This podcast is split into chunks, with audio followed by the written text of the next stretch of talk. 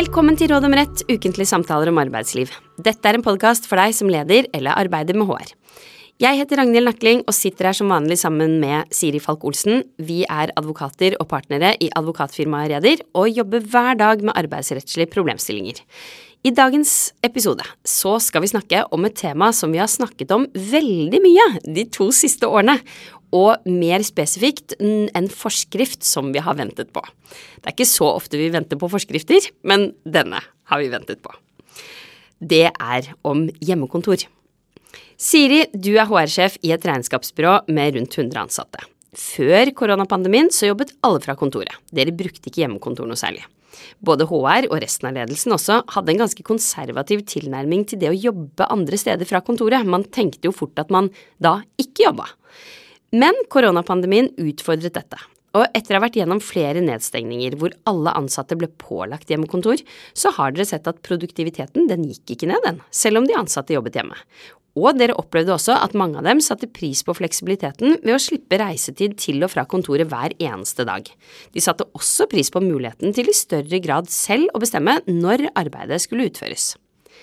Nå er pandemien forhåpentligvis over. Det er i hvert fall slutt på at påbud om hjemmekontor kommer fra myndighetene. Og da opplever du som HR-sjef også en økende forventning fra de ansatte om at de fortsatt skal kunne jobbe hjemmefra. Du har fått ansvaret for å utarbeide en ny hjemmekontorpolicy for selskapet, og du opplever at det er mange ulike meninger om temaet. Ledelsen er fortsatt skeptisk, de er redd for at de ansatte alltid vil ha hjemmekontor på mandager og fredager, og hos de ansatte så er det også delte meninger. Noen av dem elsker hjemmekontor og har omtrent nektet å komme tilbake til kontoret fordi de får bedre arbeidsro hjemme. Men mange, kanskje særlig de unge og nyutdannede, maser om at alle ansatte må komme tilbake, det må bli litt liv på kontoret igjen. De ønsker bedre sosialt arbeidsmiljø, de vil gjerne ha hjelp og veiledning av kollegaer og bare kunne stikke hodet inn døra på nabokontoret istedenfor å ringe eller avtale Teams-møter. Terskelen for det er litt for høy. Du har startet dialog med ansattrepresentanter som er opptatt av at arbeidsgiver må dekke kostnader til alt nødvendig utstyr hjemme. Hev senkpult for å sikre at ingen får vondt i ryggen, gode stoler, og de sier at dette står i den nye hjemmekontorforskriften. I tillegg så har de sagt at nå må vi med en gang inngå skriftlige avtaler med alle ansatte, og dere som arbeidsgiver, dere har allerede brutt et krav om dette fordi dere sendte ansatte på hjemmekontor under pandemien uten en sånn avtale. Her er det mye å ta tak i som vanlig, Siri, for HR-sjefen vår. Hvor skal hun begynne, og hvilke regler gjelder? Ja, det er ingen tvil om at denne HR-sjefen har en del sammensatte problemstillinger å vurdere, og det er ikke alt her som handler om juss. Men eh, vi får forsøke å trekke opp de viktigste rettslige rammene som gjelder eh, for dette temaet. Ja, Hvis vi tar det siste først, så kan du heller ta de konkrete spørsmålene etter hvert fra casen vår. Er det kommet en ny forskrift som handler om hjemmekontor? Nei, det er ikke helt riktig at det har kommet en ny forskrift. Vi har hatt en forskrift om arbeid som utføres eh, i arbeidstakers hjem siden 2002. Dette er likevel en forskrift som har gått under radaren for mange. Jeg tror jeg vil si for de aller fleste, også advokater. Eh, så det var veldig mange som ikke var kjent med at vi hadde et eget regelverk for hjemmearbeid før koronapandemien kom. Og fra da å være en forskrift som gikk under radaren, så kan vi vel si at den kom jo midt i fokuset for alle som jobbet med arbeidsrett da pandemien kom. Mange, eller store, store deler av norske arbeidstakere, de måtte jobbe fra hjemmekontor i ulike perioder. Og var det det som gjorde at man ble oppmerksom på denne forskriften? Ja, det tror jeg absolutt er riktig. Eh, jeg tror også det er riktig å si at pandemien og stor bruk av hjemmekontor, den avdekker to ting. For det første så var det nettopp det at mange arbeidsgivere fant ut at det var en forskrift om hjemmearbeid. Eh, og mange arbeidsgivere ble da usikre på ja, men hvilke krav oppstiller denne forskriften egentlig. Eh, og for det andre så var det mange som fant ut at Eh, når de fant fram til forskriften, at det var behov for en oppdatering av den. Eh, eh, det har jo skjedd en enorm teknologisk utvikling siden 2002. Sånn at måten man arbeider hjemmefra i 2022, den er jo ganske annerledes enn hvordan det var for 20 år siden.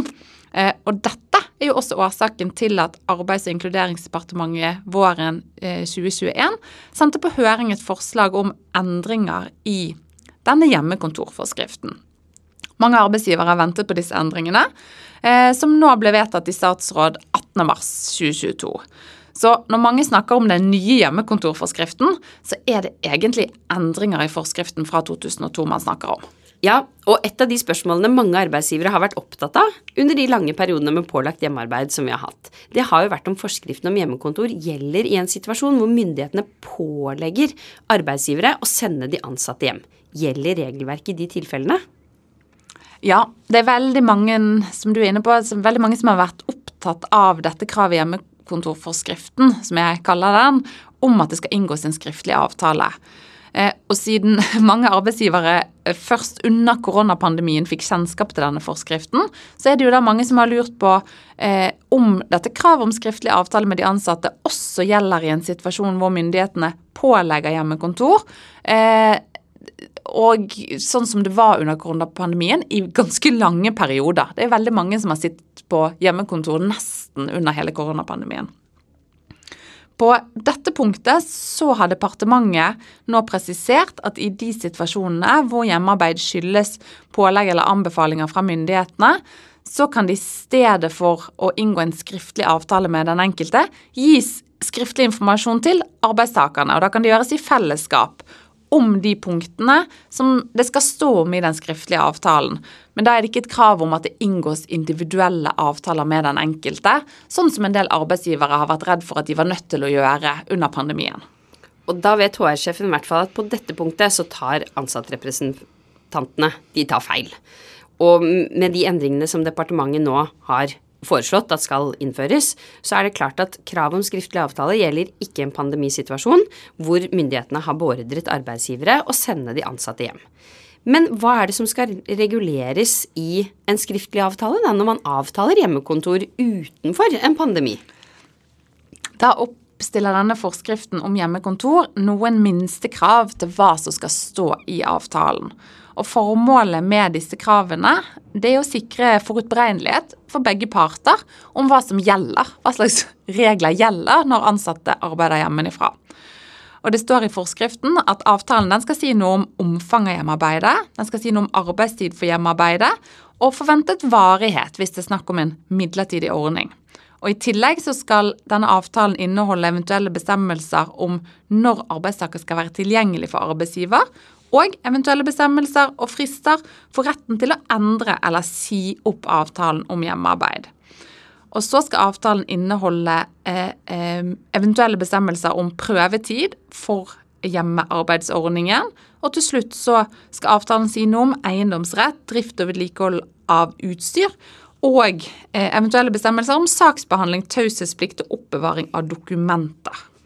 Og etter den oppregningen så kan jo HR-sjefen kanskje bli litt matt, da, med tanke på alt hva denne eh, avtalen skal inneholde, men samtidig har hun sikkert erfaring med vanlige arbeidsavtaler, så det lar seg gjøre å få inn dette. Men helt til slutt her så viste du jo til at dens avtalen skal si noe om eiendomsrett, drift og vedlikehold av utstyr. Men det var én ting du ikke sa noe om som ansattrepresentantene våre var veldig opptatt av. Hvem skal dekke kostnader til utstyr? Kan de kreve eh, arbeidsgiver skal dekke utstyr til hjem og kontor, kan de kreve at alle ansatte skal få hev-senk-pult hjemme? Det er i hvert fall helt riktig som du sier at forskriften den sier ikke noe om hvem som skal dekke kostnader til utstyr. Og det betyr igjen at ansatte kan ikke kreve at arbeidsgiver dekker kostnader til hev- og senk-pult hjemme, selv om, selv om, de ansatte mener at man får vondt i ryggen av å ikke ha det hjemme. Eh, for arbeidsgivere som innfører en hjemmekontorordning, så vil det jo imidlertid ofte være klokt å ha retningslinjer for hvem som skal dekke kostnader til utstyr på hjemmekontor. Og mange arbeidsgivere vil jo kanskje tenke at det er klokt og hensiktsmessig og fornuftig at ansatte får muligheten å ta med seg noe utstyr hjem som gjør at de kan arbeide hjemmefra på en god måte. Men en viktig presisering eh, de ansatte kan ikke kreve dette. Det er ikke noen regler som sier at arbeidsgiver skal dekke kostnader til utstyr hjemme. Og her kan man jo i helt konkrete saker se for seg at det er jo ganske stor forskjell kanskje på å dekke hjemme-PC, som er helt avgjørende for å kunne utføre en jobb, og det å dekke hev-senk-pult for alle ansatte. Ja, det vil jeg absolutt si at det er en stor forskjell mellom de to tingene. Mm. Og så er det da Altså, det er et krav om skriftlige avtaler. Det er et krav til hva som skal stå i avtalen. Gjelder de for alle former for hjemmearbeid? Hva med de som ikke har noen, da? Klare ordninger eller regler? Nå skal jo denne HR-sjefen vår lage en policy, men, men det fins mange arbeidsplasser hvor det ikke fins, men hvor det likevel er frihet til å jobbe hjemmefra innimellom. Må de arbeidsgiverne også inngå skriftlige avtaler med hver og en arbeidstaker? Ja, og nå er Ragnhild, er du inne på et av de spørsmålene som mange arbeidsgivere har vært opptatt av, som vi har fått mange spørsmål om. Når er man egentlig innenfor dette kravet, altså når er man innenfor regelen om at man må inngå en skriftlig avtale som regulerer alle de punktene jeg akkurat snakket om?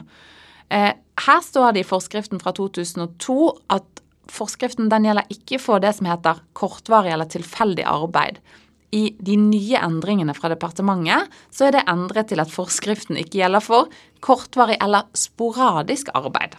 Så ordet tilfeldig er erstattet med sporadisk. Men hva betyr det? Det er jo ikke helt åpenbart hva som ligger i det. Nei, det er ikke helt åpenbart. Men her har departementet presisert eh, Hvis man tar kortvarig først, så mener man typisk noen få dagers arbeid én til to ukers hjemmearbeid i forbindelse med tilrettelegging pga. en brukket fot, det vil også være kortvarig. Men departementet, departementet sier at fullt hjemmearbeid i en måned eller mer, det vil eh, normalt ikke være kortvarig i forskriftens stand. Så da vil det være krav om en avtale. Og hva med sporadisk, hva ligger i det ordet? Her viser departementet til at det vil være arbeid som skjer av og til, men ikke i for stort omfang, eller som har karakter av en fast ordning. Så det å ta med seg arbeid hjem i noen timer av og til, det er typisk sporadisk. Men hvis det derimot har karakter av å være en mer fast ordning, da vil det ikke anses å være sporadisk. Og her viser departementet til at en fast ordning med f.eks. én dag hjemme per uke, det vil ikke være sporadisk.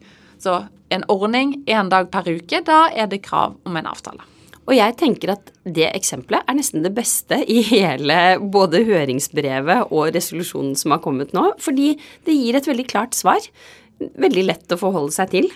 Og da vet vi da at hvis det er avtale hvis, man, hvis en person skal jobbe hjemme en dag i uken, da er det krav om skriftlig avtale, for da er det ikke sporadisk. Ja. Stemmer det? Ja. ja.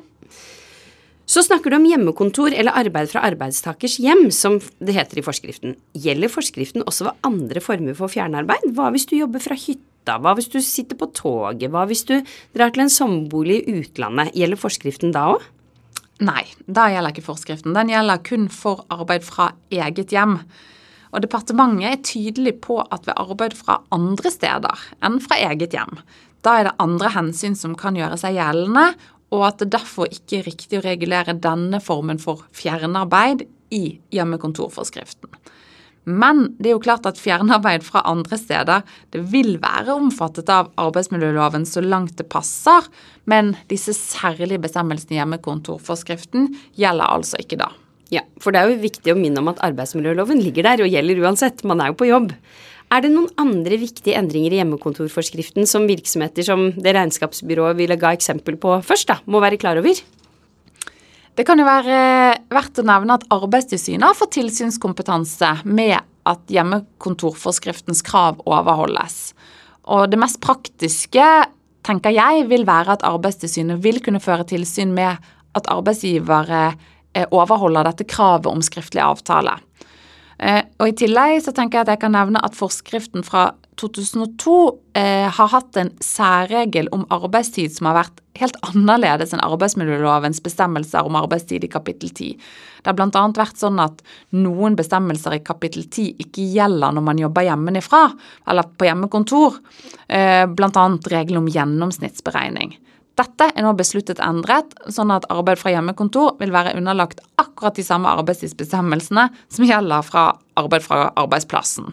Eh, og dette med arbeidstid, gjennomsnittsberegning, det er jo temaer i tidligere episoder for de som vil gå tilbake og ha mer informasjon om det temaet. Noen andre viktige endringer vi ikke har snakket om til nå? Jeg tenker også at Det kan være viktig å nevne eh, at departementet i de nye endringene har presisert at arbeidsgivere også har et ansvar for det psykososiale arbeidsmiljøet for ansatte som arbeider på hjemmekontor. Og denne Koronapandemien den har jo avdekket både fordeler og ulemper med å arbeide fra hjemmekontor over lengre perioder, og mange arbeidstakere har opplevd utfordringer ved å arbeide hjemmefra over tid. Eh, så Forskriften den presiserer nå at arbeidsgivere har et ansvar for det psykososiale arbeidsmiljøet på hjemmekontor. Litt enkelt sagt at, at de ansatte har det bra. Eh, og det er jo klart at dette er et ansvar som er vanskeligere å følge opp overfor ansatte som arbeidsgivere ikke ser i det daglige, og som man kun kommuniserer med via skjerm. Så dette ansvaret er jo noe arbeidsgivere må tenke på før det avtales permanente ordninger om hjemmekontor. Særlig for de som da tenker eller vurderer å ha ansatte som kun skal arbeide hjemmefra. Og Da vil det jo være viktig med gode rutiner rundt oppfølging av de ansatte for å sikre at det psykososiale eh, arbeidsmiljøet er ivaretatt. Så var det denne HR-sjefen vår da, som baler med mye. Nå har hun fått god innsikt i de nye, noen av de reglene som er endret i den gamle hjemmekontorforskriften. Men hva med dette om det er riktig å innføre en hjemmekontorordning? Det er jo ikke så mye juss. Der har vi hørt at de var litt skeptiske, en del av lederne er fortsatt skeptiske, hos de ansatte så er det delt. Hva skal de gjøre? Ja, dette er et stort tema, og som du sier, og ikke nødvendigvis så mye juss. Og det har jo vært mye debatt for og mot hjemmekontor. Eh, men det er jo klart at dette caset vårt illustrerer noen dilemmaer som mange arbeidsgivere må vurdere nå om dagen i forhold til hvor mye eller lite hjemmekontor man skal legge til rette for fremover. Og jeg tenker at det i hvert fall er viktig å vurdere dette spørsmålet helhetlig for arbeidsplassen, og ikke bare ut ifra om det fungerer godt for den enkelte. Eh, koronapandemien har jo vist oss at det har noe å si å møtes fysisk, og for noen ansatte så er dette viktigere enn andre. Og det er klart at selv om det fungerer veldig godt å sitte hjemme pga. logistikk med små barn, spart reisetid, og det at faktisk mange arbeider veldig uforstyrret og effektivt hjemme, så kan det at mange eller alle sitter hjemme ha en negativ effekt for andre. F.eks. yngre og mindre erfarne arbeidstakere som i større grad har behov for at ansatte er på arbeidsplassen, både for dette med veiledning og oppfølging, i tillegg for at man sikrer et sosialt miljø. Eh, og så tror jeg også det er viktig at arbeidsgivere tar hensyn til dette ønsket hos mange om at eh, man har en forventning om mer fleksibilitet etter koronapandemien, fordi at man jo har sett at hjemmekontor også fungerer veldig bra for mange. Eh, så jeg tror at arbeidsgiver bør uansett lytte til de ansatte før det innføres faste ordninger. Det tror jeg er et klokt råd uansett. Og så må ulike hensyn balanseres i den ordningen man velger å falle ned på. Og kanskje vurdere å ha prøveordninger for å se underveis hvordan ting fungerer. Og så er det vel viktig for oss også å minne om at dersom man innfører en fast ordning, altså at det ikke er snakk om hjemmekontor kortvarig eller sporadisk, da må man inngå denne avtalen vi snakker om, og da må man også ha saklig grunn for å si opp den avtalen. Sånn at man da har bundet seg Eh, til noe, da. Som kan sies opp, kan avsluttes, men jo automatisk er mer krevende å ja. avslutte der, enn om man ikke hadde hatt en fast ordning. Ja, og da vil det være viktig at man tar, derfor vil det være viktig at man tar inn bestemmelser om varighet, oppsigelsesadgang, sånn at arbeidsgiver har muligheten til å endre underveis. Mm, mm. Men og så tenker vi jo da at eh, som så ofte, det er jo arbeidsgivere som til syvende og sist bestemmer, da. For det var noen ansatte som sa jeg vil ikke tilbake på kontoret. Hjemmekontor funker så bra for meg.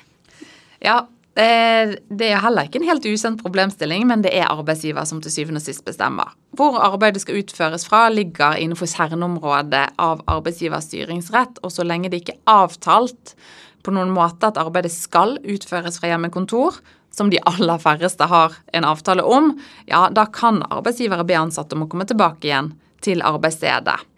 Men igjen, ofte klokt å lytte til innspill før man tvinger igjennom ting. Men, men dette er det arbeidsgiver som bestemmer. Og til slutt, når, når gjelder disse nye endringene i hjemmekontorforskriften fra?